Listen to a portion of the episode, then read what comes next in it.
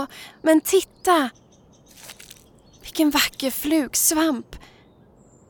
Ja, jag vet att den är giftig, men den ser ju så läcker ut. Kanske mm, ska jag testa ändå? För titta så attraktiv den är. Självlysande röd, som kärleken själv. Och prickig som något lekfullt ur min barndom. Ska jag testa? Mm. Nej, kanske inte ändå. Jag vet för mycket numera om det som är farligt för mig. Har gjort alldeles för mycket research för att falla för den där ytliga men destruktiva attraktionskraften till det som ser så spännande och lockande ut men som bär på ett hemligt gift. Nej, det är bäst att låta bli. Usch, det var nära ögat.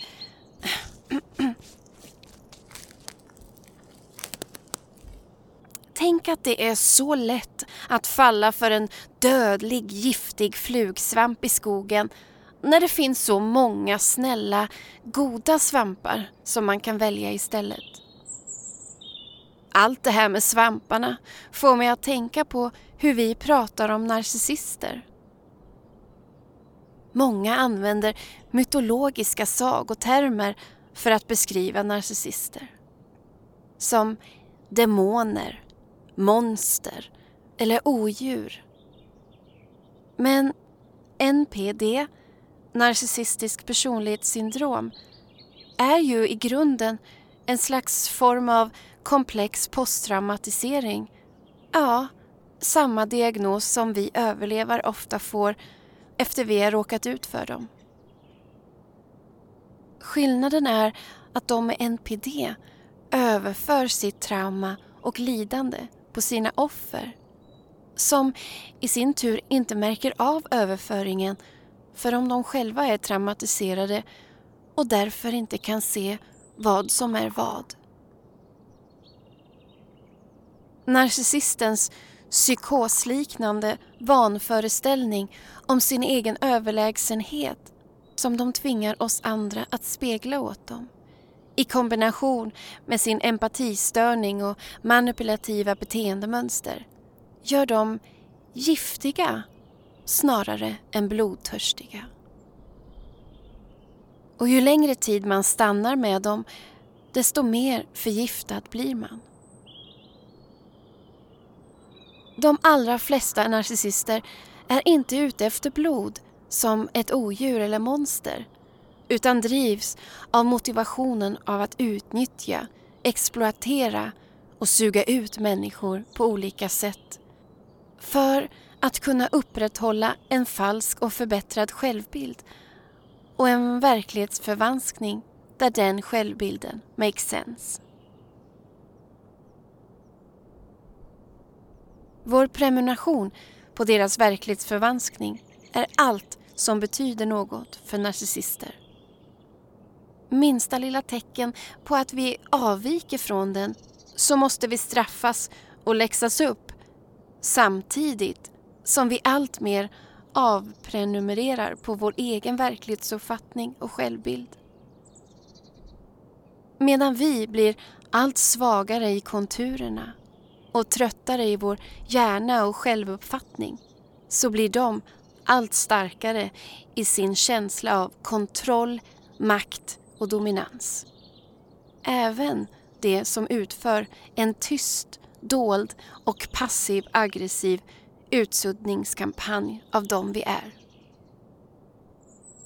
Detta är giftet som sedan stänger ner vårt inre system och gör det så svårt att lämna.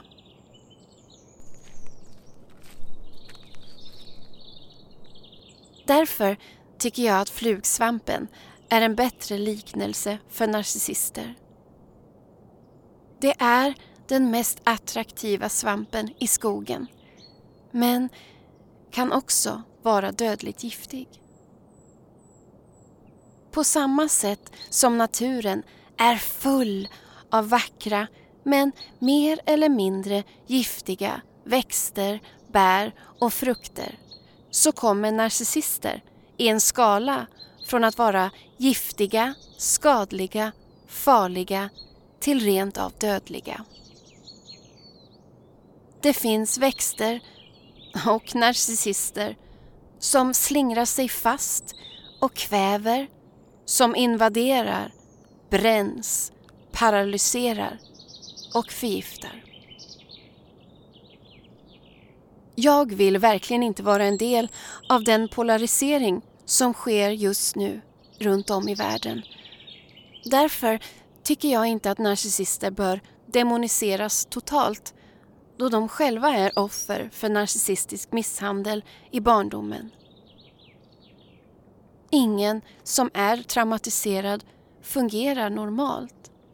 Men att deras manipulativa överlevnadsstrategi från barndomen blivit skadlig eller rent av farlig med tiden är ett faktum.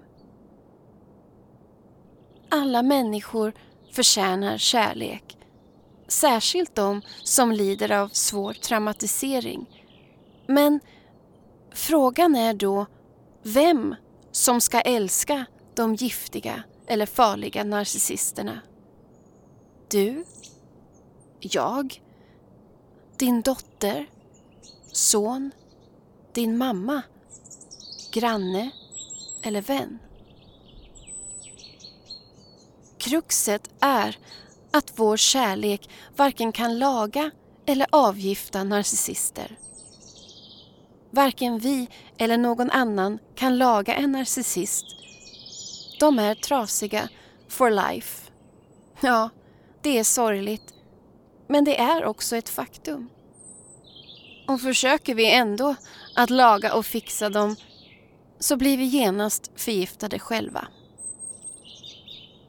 Och ju längre vi stannar, desto mer gift hinner de injicera i oss. Är det verkligen värt att testa det omöjliga och samtidigt göra stor skada på sig själv så att vi också måste lagas och avgiftas efteråt? Vad motiverar oss i sådant fall att göra detta val? Jag tror helt enkelt att vi bör förhålla oss till narcissister på samma sätt som vi förhåller oss till den lockande flugsvampen i skogen. Vi får helt enkelt beundra och älska dem på lite avstånd. Men undvika att få i oss det skadliga eller livshotande gift. Då kan vi samexistera utan att någon far illa. Nej, jag kanske ska ta och röra mig hemåt. Men innan jag går hem med min korg full av en massa snälla, goda svampar som jag ska äta till middag ikväll ska vi lyssna på Toves epilog. Eftersom Tove arbetar som trädgårdsmästare blir det därför naturligt att hon pratar om sina erfarenheter i termer med något som återfinns i naturen. Men Tove liknar dock inte sin förövare med en flugsvamp utan med en slemmig och giftig mördarsnigel som lämnade en söndertuggad förödelse bakom sig.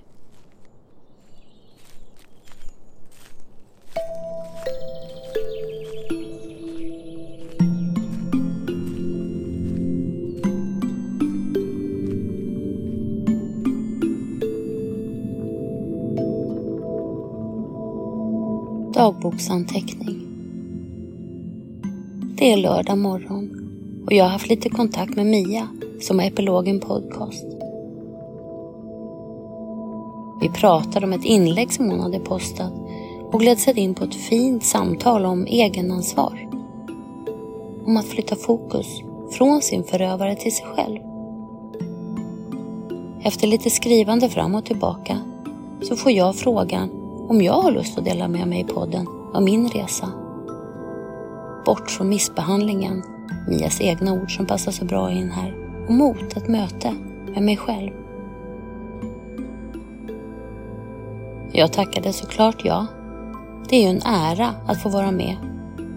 Och en ynnest att kanske kunna vara till hjälp för andra som är på samma resa som jag själv.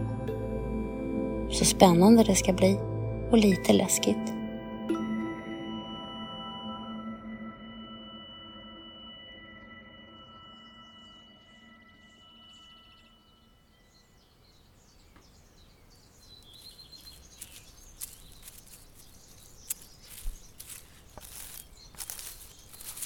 Så vem är jag då? Jo, jag heter Tove och jag är en överlevare. Till vardags så jobbar jag som trädgårdsmästare. Och under en period i mitt liv så var trädgården, naturen och havet mina lungor och fristad. Den enda platsen som jag kände mig fredad. Tyvärr kände jag mig inte helt trygg, men på något sätt ändå fridlyst. Där i trädgården, där brottades jag med det som tyvärr lades till min historia, det jag blivit utsatt för. Hur jag tänker på min förövare som en mördarsnigel. För liksom mördarsniglar så tog han sig in överallt, åt upp allt han kunde komma över och slingrade sig sedan bort och iväg. Med ett slemmigt, giftigt spår efter sig försvann han i jakten på ny föda. Men han lämnade en förödelse bakom sig. Jag rensar ogräs, gråter och försöker förstå vem den här mördarsnigen är. Försöker förstå hur någon kan åsamka en annan person så mycket smärta och hur jag hamnade i detta.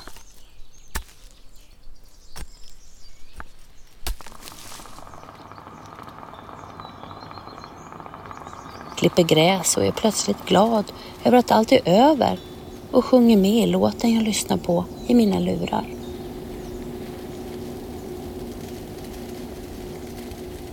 Planterar om växter och bryter ihop. För livsmattan, den drogs plötsligt bort under mina fötter och jag föll, föll, föll.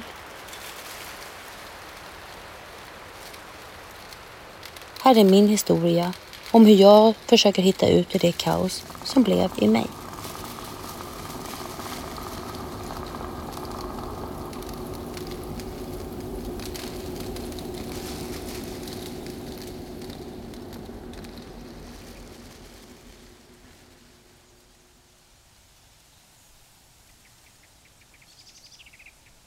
Jag började direkt efter vårt samtal att rota bland mina nerklottade dagboksanteckningar från tiden precis efter övergreppet. Jag blir lite skakig och omtumlad när jag läser det jag har skrivit om händelsen. Även om orden är mina, skrivna av mig, så är det på ett obehagligt sätt liksom utanför mig själv. Men ändå helt levande inuti mig. När jag nu börjar skriva igen och formulera mig så rinner orden ur mig som om de har ett behov av att komma ut och lämna min kropp. Mia nämner ordet självintimitet i vårt samtal i kontexten av att den här delen av helandet kan kännas både helig och privat. Ett så oerhört vackert ord, självintimitet som jag nu lånar för att den beskriver den här processen så fint. För jag tror att det är just det som vi som varit utsatta behöver hitta i oss själva, hur ont det än gör. För att det är det enda sättet, för mig i alla fall, att få ett hopp om att komma ur den hopplöshet som följde efter min mördarsnigels framfart och få tillbaka ett värdigt liv och en förändring i mig själv. Sanningen har blivit viktig för mig för att återfå min balans i tillvaron och för att göra det jag varit med om verkligt för mig själv.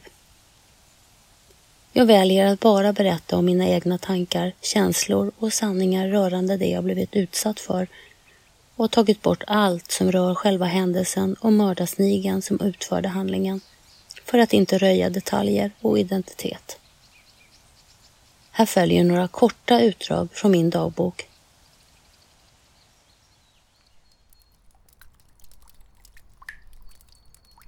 Dagboksanteckning. Det har gått nästan en månad efter övergreppet. Idag har jag en bra dag. Ingen ångest, inga gråtattacker, inget illamående, ingen dimmighet i hjärnan. Jag är nästan mig själv.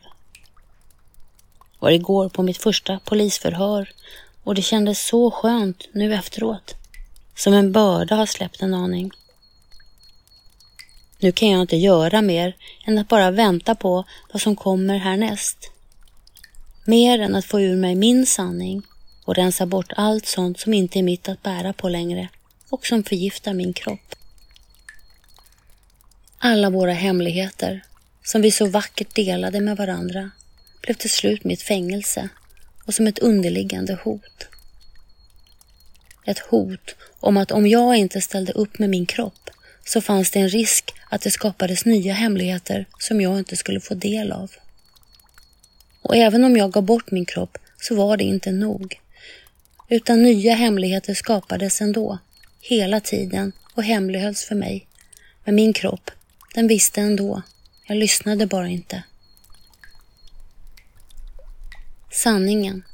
Förmodligen mitt enda sätt att få mördarsnigeln att fatta att han gett sig på fel kvinna. Mig. Att jag inte tänker låta detta passera utan att agera för min egen skull.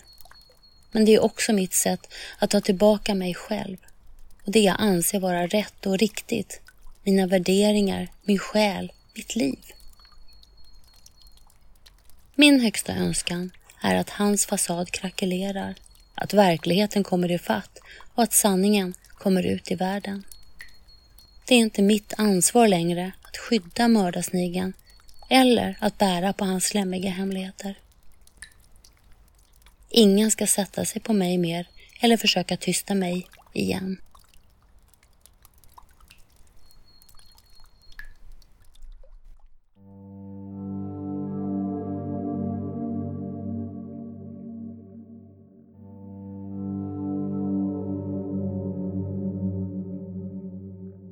Samma dagbok, två veckor senare, med känslorna i kaos igen. Superångestvecka med återkommande mardrömmar om att bli våldtagen, fasthållen, inlåst och en man som står över mig. Och sömnproblem. Vaknar, sover, vaknar, sover. Mår illa och känner mig skakig idag dålig i magen och en olustig känsla i kroppen. Är detta abstinens? Jag läste ju om den kemi som bildas i kroppen efter att ha levt i relation med missbehandling. Att den är beroendeframkallande. Är det det som har hänt mig? Läste att det kan liknas vid en stark drog. Så hemskt att den missbehandling som jag blivit utsatt för med kärleksbombning, dubbla signaler, manipulationer och kontroll. Då jag aldrig fått några ursäkter för hans beteende gentemot mig. Den plötsliga oåtkomligheten, tystnaden och försvinnandet. De varma och kalla perioderna. Lögner, lögner, lögner. Otroheter och dubbelliv gaslighting, är allt som en mördarsnigel kan hitta på. Det gör min kropp sjuk av signalsubstanser.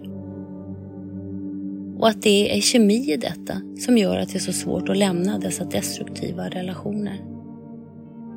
För det gör faktiskt fysiskt ont. Så jävla ont. Hur kan något sånt här hända? Eller är det fortsatt chocken efter hans framfart? PTSD?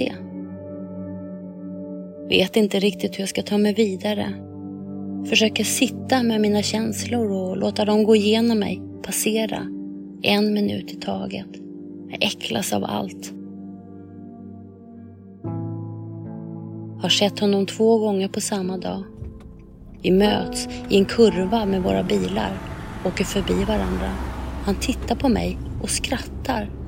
Jag blir så upprörd att jag måste stanna min bil en bit bort och lugna ner mig. Jag håller på att kräkas och händerna skakar så mycket att jag kan inte hålla i ratten. Den andra gången är när jag ska hem igen. Jag vet att han har sett mig komma i min bil men tittar inte åt mitt håll och det gör så ont.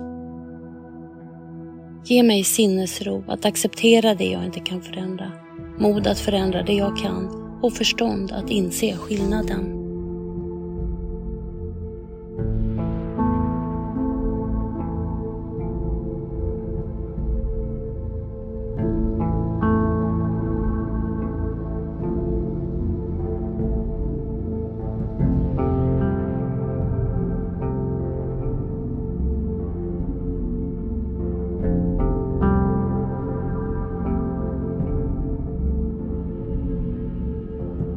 Inser nu, sakta men säkert, när lite tid har gått, att jag har börjat förändrats.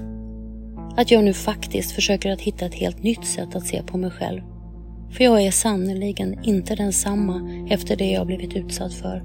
Och jag vill heller inte tillbaka till den jag var. Utan jag vill lära känna den här nya kvinnan som jag håller på att bli.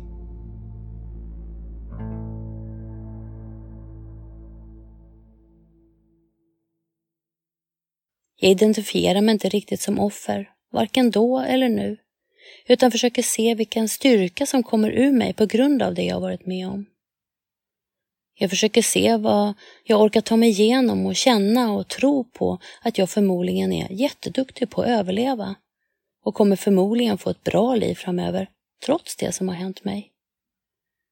Men att jag nu behöver lite nya, vassa verktyg i min verktygslåda och slänga bort de som är uttjänta och ge mig själv tid, ömhet, förståelse och acceptans för min dysfunktionella historia. Det enda jag vill det är att må bra och göra det som är bra för mig. Hitta det som gör mig lycklig och trygg i mig själv. Så jag kämpar på. En dag i taget kämpar jag för att bli lite klokare och helare invärtes för varje sorg som jag vågar möta.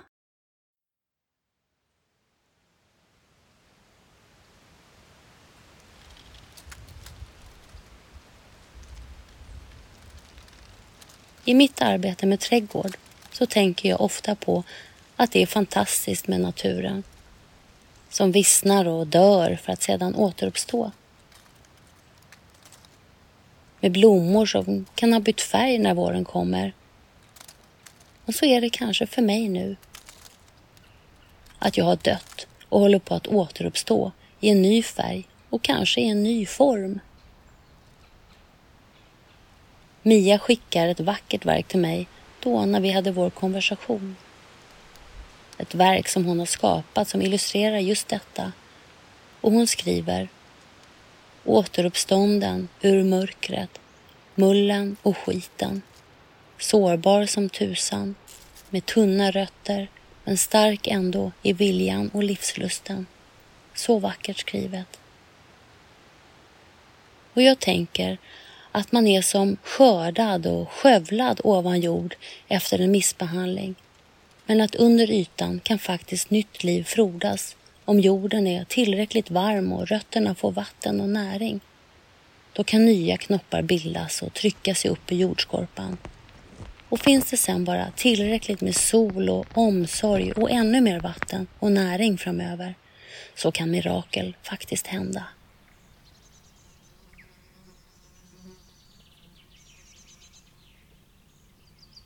Jag vill ju inte att mördarsnigen, som åsamkat mig så mycket smärta och förtvivlan, ska tro att han har, som efter en storm, knäckt mig totalt och fått mitt liv till att bli hopplöst förmultnat, vissnat. Nej, min upprättelse, det är att blomstra som aldrig förr och bli den vackraste blomma jag någonsin har varit.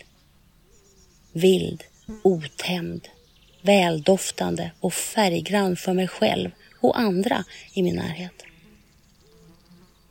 Vårdas jag ömt och försiktigt och får de bästa förutsättningarna så kanske man kan få se mig växa, frodas och må bra. Bli starkare och starkare med rötter lika långt ner i marken som den prakt som vajar ovan jord.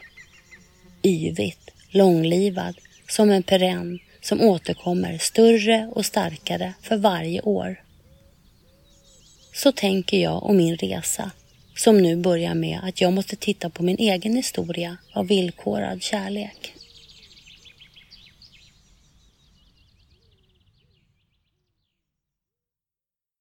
Tankar från dagboken. Det är som mitt skal öppnar och sluter sig. När det är öppet så flödar livet och känslorna och tankarna. Men stängt är det som att jag är i ett fängelse. Ett fängelse fyllt av oro och ångest.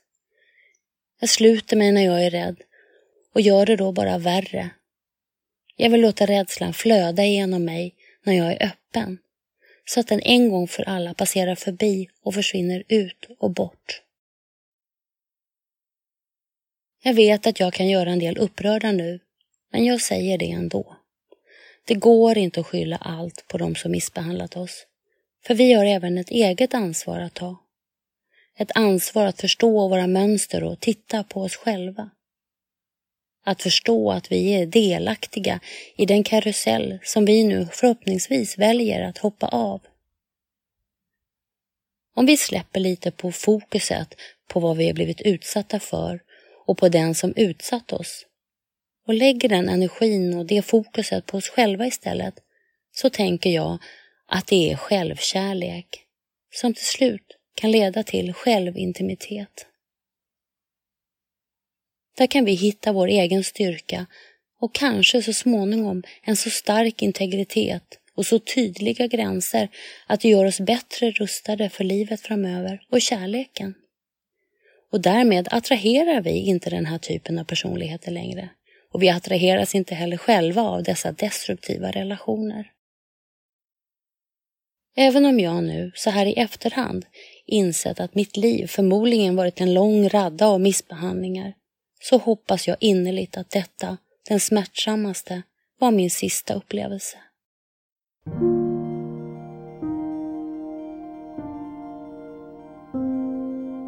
Den som fick mig att falla till botten, att inse att det var jag som blev tagen med våld. Att någon som jag varit tillsammans med, som jag tyckte mig känna och älska, någon som jag litade på och hade en relation med, en relation som nu slutade så abrupt i och med detta. Men det hände mig. Missförstå mig rätt. Jag vet att det inte är mitt fel eller mitt ansvar när en sån här sak händer. Utan bara förövaren själv bär skuld i detta. Men det leder mig ändå till tankar om vad som är mitt ansvar gentemot mig själv.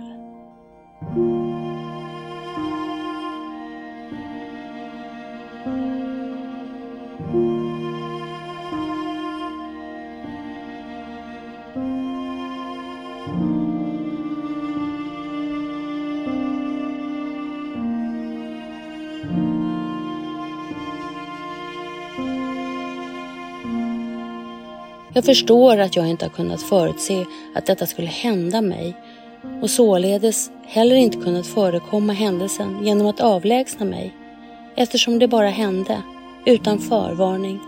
Det var mördarsnigens beslut där och då att förgripa sig på mig utan att tänka på vilka konsekvenserna blev för någon av oss. Min reaktion på detta blev chock, stress rädsla, ångest, sorg, smärta och skam. Ja, allt det som följer en sån här händelse. Men jag hittade även fram till något som jag nu förstått varit livsavgörande för mig för att gå framåt och våga möta mig själv i detta. Och det var envisheten och ilskan och kraften i den. Som i en dimma bad jag om hjälp och fattade någonstans att detta fixar jag faktiskt inte själv. Jag polisanmälde mördarsnigeln, blev undersökt på kvinnokliniken, träffade kuratorer och doktorer, pratade med brottsofferjouren och psykologer, pratade med min arbetsgivare och mina vänner om vad som hade hänt och var på polisförhör. Och för att försöka förstå och få någon reda i mitt kaos, i huvudet och i själen, så lyssnade jag på ljudböcker som en kunskapsnarkoman. Jag lyssnade på allt som liknade min historia för att på något sätt förstå vad det var jag hade varit med om. Och när jag till slut hörde en berättelse så lik min egen så kräktes jag rakt ut i en rabatt av upprördhet. Ja, jag jobbar ju som sagt som trädgårdsmästare. Därför kunde jag både kräkas i en rabatt och ha hörlurar i öronen hela dagen. Jag började nu förstå att det fanns en mängd människor där ute i världen som varit med om att möta dessa mördarsniglar. Och att det faktiskt fanns ett givet förlopp och en vokabulär som kunde beskriva min upplevelse och händelseförloppet. Och att deras slem förgör och förstör. Jag var tydligen inte ensam. Med de insikter och kunskaper som jag nu fick till mig började jag skönja ett mönster. Inte bara hos mördarsniglar, utan även hos mig själv. Mycket smärtsamt. Jag kunde motvilligt se att detta var ett välbekant förlopp som pågått i hela mitt liv. Och att den missbehandling som jag varit utsatt för bara sett lite olika ut under årens lopp. Men nu, till sist, nått sin kulmen med en våldtäkt. Ett övergrepp som ingen människa ska behöva utsättas för och som ingen människa borde få utföra.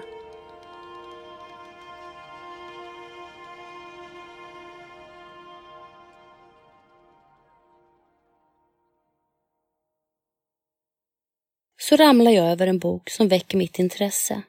Den heter Kroppen håller räkning och är skriven av Bessel van der Kolk.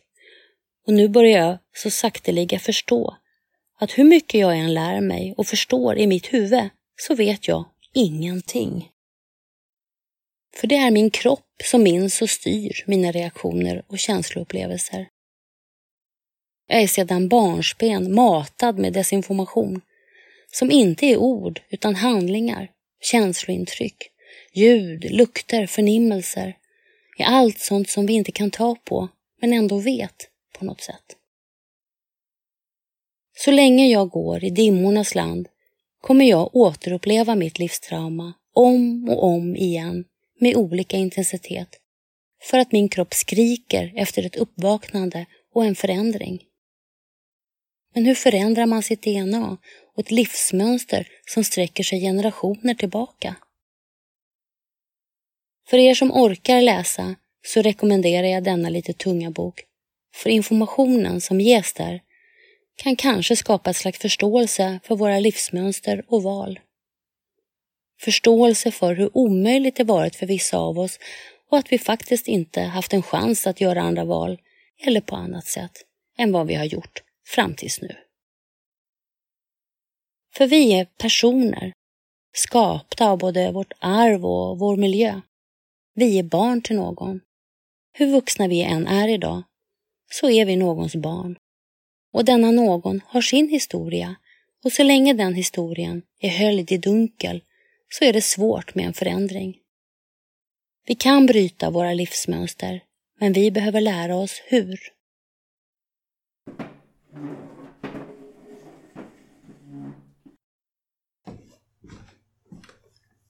Nu förstod jag hur viktigt det var att se till att börja ta hand om mig själv och det innebar att jag behövde komma bort från huset och platsen där övergreppet hänt. Att få bort den kvävande känslan av att hålla andan och hålla ut tills jag var i tryggt förvar. Jag gick bokstavligen på huggtänderna under den här perioden.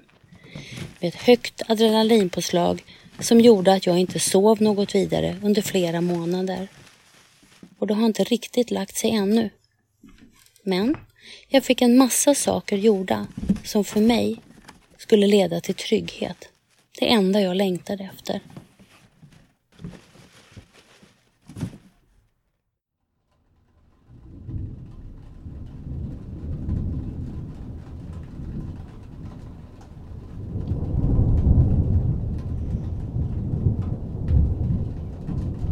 Väl på plats i mitt nya hem kunde kraschen komma. Jag hade pratat med min kurator om saken och sett till att jag hade ett skyddsnät omkring mig. Kraschen kom och pågår fortfarande då jag är mitt i processen.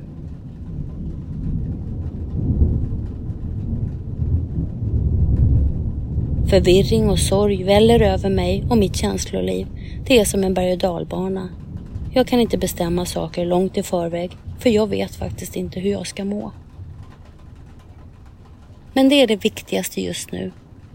Att jag låter mig må. Att jag är med känslorna som kommer. Försöker känna efter vart de bottnar och om det är känslor från nu eller från förr när jag var liten och övergiven. Jag lär mig nu att det är inte farligt att känna de här jobbiga känslorna och att det kommer att gå över. Att känslan inte är jag, inte definierar mig som person utan just bara är en känsla. Och att just nu så händer inget. Jag är trygg. Jag är med mig själv, bortom faran och jag kan ta hand om det som händer i mig just nu. Jag låter det som känns och vill ut skölja över mig som vilda brusande vågor. För vågorna ebbar till slut ut och blir stilla.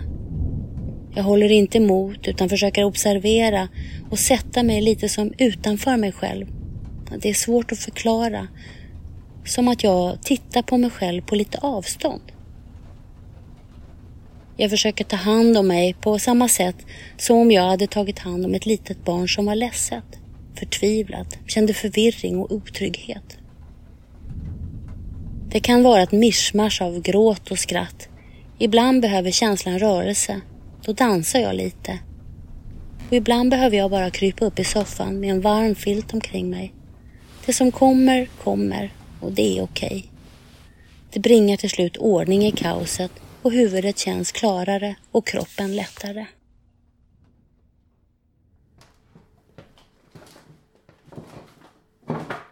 Jag upplever nu, med lite kunskap i bagaget, att jag genom att göra ett medvetet förändringsarbete som innebär ett hårt och smärtsamt luppande av mig själv och att fysiskt vakna till liv, så kan jag hjälpa mig själv att förstå. Inte bara med huvudet, utan även känslomässigt i kroppen och förhoppningsvis på djupet av min själ, vem jag är och hur jag ser ut. Jag yogar för att lära känna min kropp. Jag mediterar för att hitta modet att sitta med mig själv i tystnad och därigenom lära känna mina kroppsliga förnimmelser och signaler och stilla mina tankar. Det är inte alltid lätt. Men jag gör det som en gåva till mig själv i min strävan efter självkärlek och till slut självintimitet. Jag får även professionell hjälp på vägen, för ensam så är jag inte stark. Jag fick för ett litet tag sedan fatt i ett minne från när jag var tre år och sätter på mig mina träskor för att kicka min styvfar på smalbenen när han har varit dum mot mig. Och jag fattar plötsligt att hon, hon bor fortfarande i mig. Hon som inte tog någon skit. Så liten hon var, utan försvarade sig och satte emot med det hon hade, träskor även mot dem som var både starkare och större. Det är ju henne jag ska hänga med nu. Ingen ska få kuva henne mer, allra minst jag själv. Hon är ju jag. Jag har behov och jag är värdefull. Jag om någon måste ju se till att inte göra våld på mig själv. Lära mig att lyssna på mina signaler och lita på dem. Hålla det jag lovar mig själv och våga vara ärlig och uppriktig mot mig själv och mot andra. Jag vill inte svika mig själv mer. Jag tror att ni vet vad jag pratar om och jag vet att det gör ont. Jävligt ont. Men, som Einstein skrev, definitionen av dårskap är att envisas med att ständigt upprepa samma misstag och envist tro att man ska uppnå nya resultat. Så, nu är det dags för mig att förstå något skaffa ännu mer kunskap om mig själv och min historia. Jag söker på ord som villkorad kärlek och relationsberoende som jag tänker har varit saker som följt mig sedan födelsen. Jag söker svar. Jag har även börjat våga ställa frågor som hur hamnade jag här? I en så snurrig och destruktiv relation. Vem är jag? Och vad har jag med mig i mitt bagage in i en relation? Varför upprepar jag mina mönster om och om igen? Vad är mitt ansvar? Och vad är mitt missbruk? Varför förminskade jag eller lyssnade jag inte på varningssignalerna? Varför hittade jag på ursäkter inför mig själv? Är jag relationsberoende sedan urminnes tider? Har jag med mig det genetiskt från mamma, mormor och långt tillbaka på den kvinnliga sidan av min släkt? Är det de verbala och fysiska övergreppen som min mamma inte ville se och ta ställning mot som min passivt aggressiva styrfader utövade på mig? Förvärrades allt av våldtäkten jag blev utsatt för när jag var 17 år och så blev en väl bevarad hemlighet för andra men ihågkommen av mig varje dag. Har det att göra med avsaknaden av min biologiska pappas närvaro under min uppväxt? Eller den senare så komplicerade relationen som vi till slut får efter min mammas död?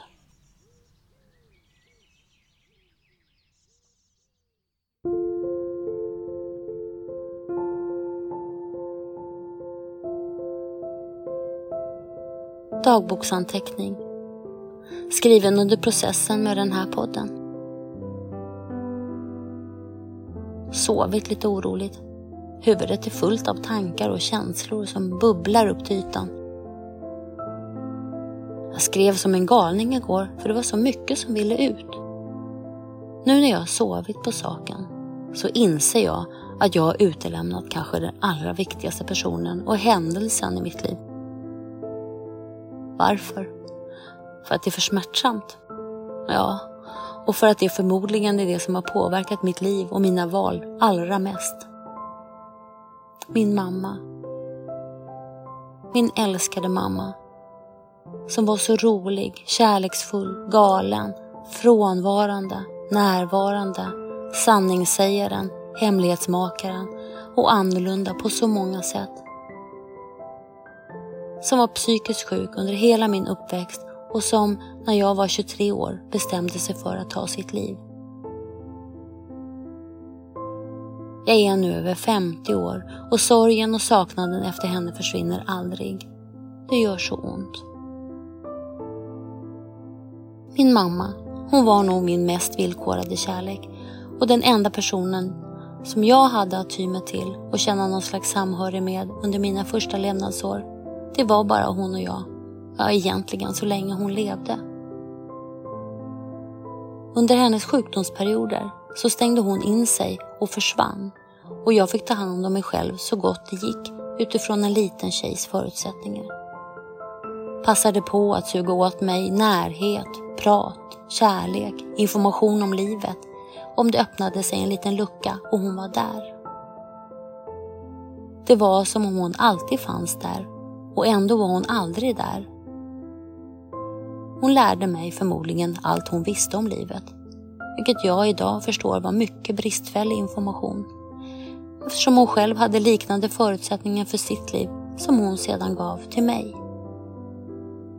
Till min räddning fanns som tur var min varma, kärleksfulla och alltid närvarande och omfamnande mormor som tog hand om mig när jag, som liten tjej med mina träskor, rymde till henne och det hände rätt så ofta. Hon lärde mig om livet på ett varmt och tryggt sätt. Tog mig med ut i trädgården och lärde mig allt hon kunde om naturen och växterna som senare i livet blev till mitt yrke. Och jag tänker att utan henne och en moster så hade jag kanske varit död idag.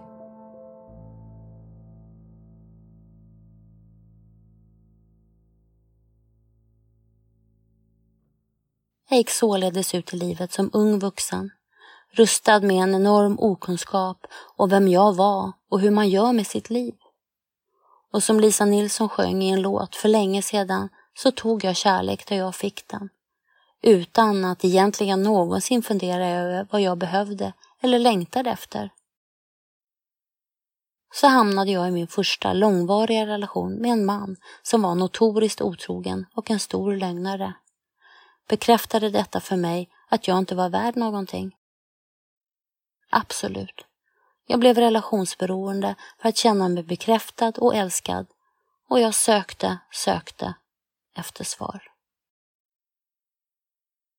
Så nu har jag tagit mig igenom livet och letat samhörighet, gemenskap, kärlek och trygghet i hela mitt liv. Och haft relationer där kärleken, tiden och tryggheten alltid varit villkorad. Där jag alltid fallit till föga och puttat undan mig själv och mina behov. För det är inte så lätt att uttrycka eller att se till att få det man behöver om man inte vet vad det är. Så det är hög tid nu att bryta dessa mönster och hitta nya stigar att gå på.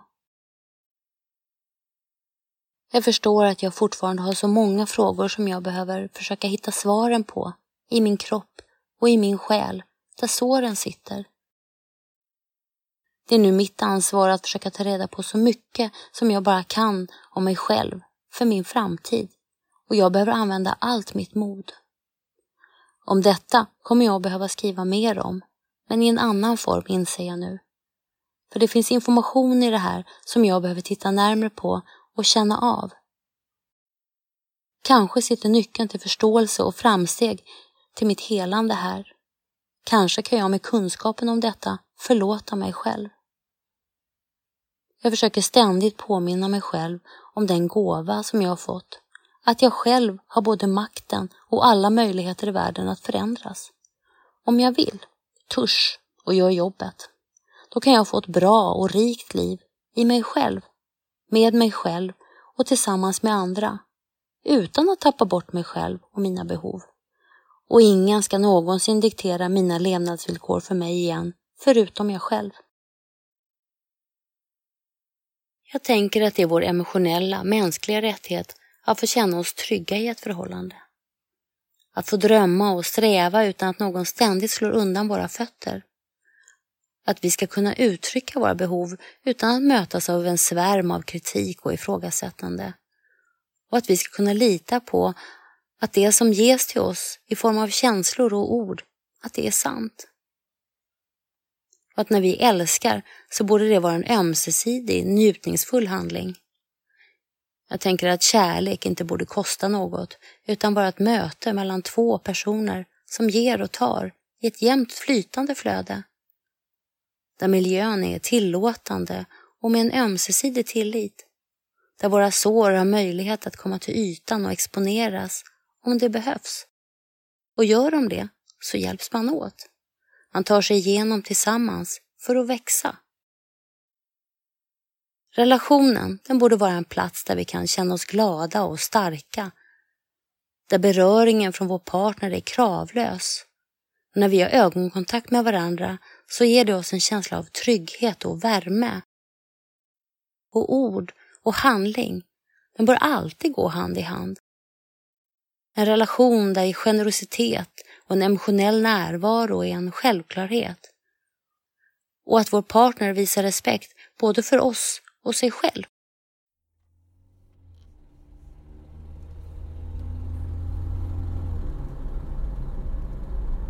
Efter det att jag kände mig helt klar med texten som jag skrivit till det här poddavsnittet så hittade jag i ett block ett nerklottrat meddelande från mig själv som jag gärna vill ha med här för att det så bra beskriver min process.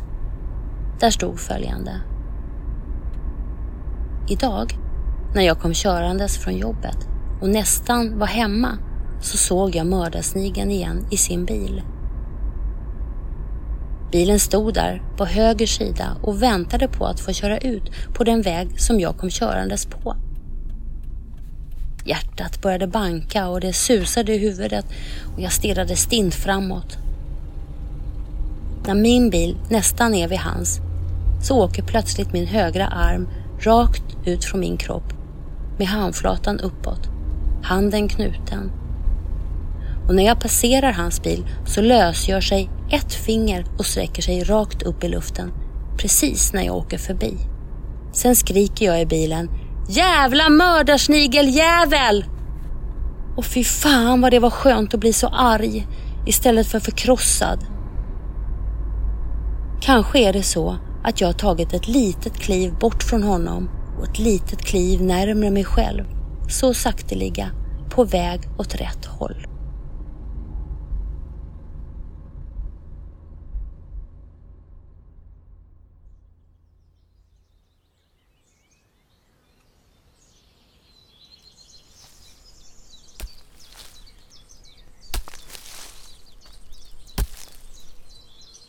Idag försöker jag trösta mig med att dessa mördarsniglar för evigt är dömda att leva i sin oerhört destruktiva livskarusell på kalla, skuggiga platser.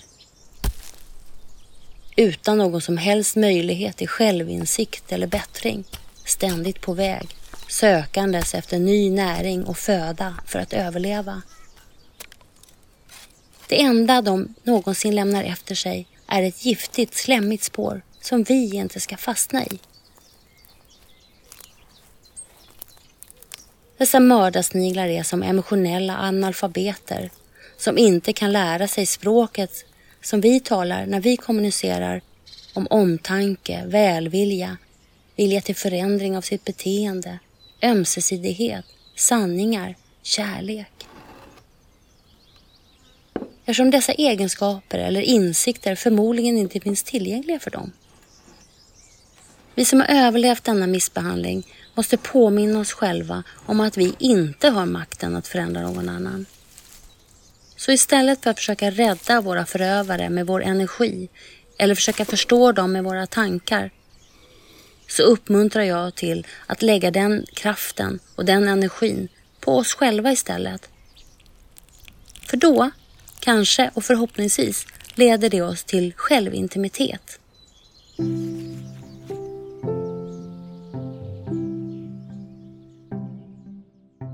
Jag är så tacksam för att jag fått möjlighet att dela med mig av min resa som är högst pågående här i Epilogen Podcast. Och jag vill poängtera att jag på inget sätt sitter på några universella lösningar, är klar eller har rätt.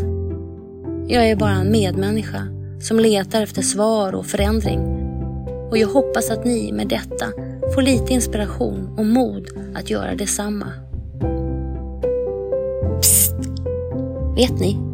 För ett tag sedan så inhandlade jag faktiskt ett par jättefina svarta träskor på loppis. Helt oanvända, men av äldre modell och liknande de jag hade som barn. Nu har de legat där i sin låda ett tag, men jag tänker att det kanske börjar bli dags för mig att ta dem på mig och gå ut i livet. Rustad med bättre verktyg i min verktygslåda och med en större förståelse och kärlek till mig själv ut i min egen trädgård för att plantera en massa små frön som kan gro och spira framöver. Och med så mycket skit som min mördarsnigel lämnade efter sig så har jag att gödsla med för all framtid. Och mina skördar kommer bli enorma, frodiga och ge så mycket avkastning att jag kommer kunna dela med mig till andra. Och den enda snigeln som kommer att få vara i min närhet är vinbärsnäckan som ju är en fredlig snigel och som har sitt alldeles egna hus att vara i. Det tror jag blir bra. Ta hand om er, vi hörs.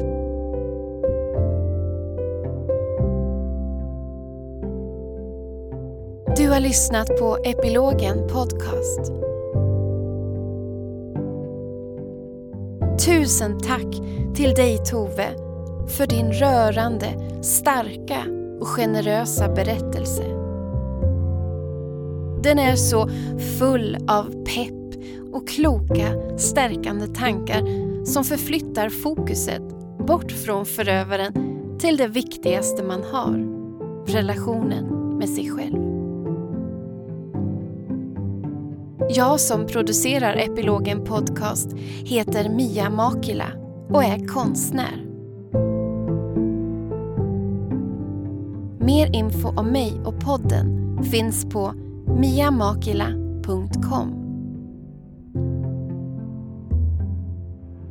Om ni inte redan följer Epilogen Podcast på Facebook och Instagram, gör gärna det. Jag postar dagligen inspirerande och motiverande inlägg. Om du vill dela med dig av din egen berättelse i podden, mejla på epilogenpodcast gmail.com Tack för att du har lyssnat.